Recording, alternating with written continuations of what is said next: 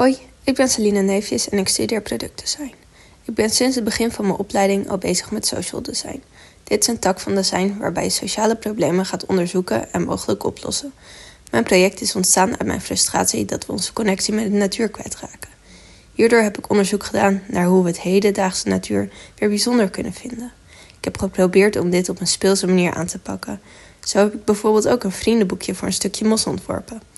Uiteindelijk heb ik een concept gemaakt waarbij de samenwerking tussen mens en natuur centraal staat. Dit laat ik zien door middel van een materiaal dat plakt aan je huid als het nat wordt. Op dit materiaal groeit mos. Als je goed voor het mos zorgt, neemt het CO2 op. Zo zorgt een mos dus ook weer voor jou. Ik heb een materiaal ontwikkeld met behulp van het Biolab op de HKU. Het materiaal is een bioplastic en daardoor biologisch afbreekbaar.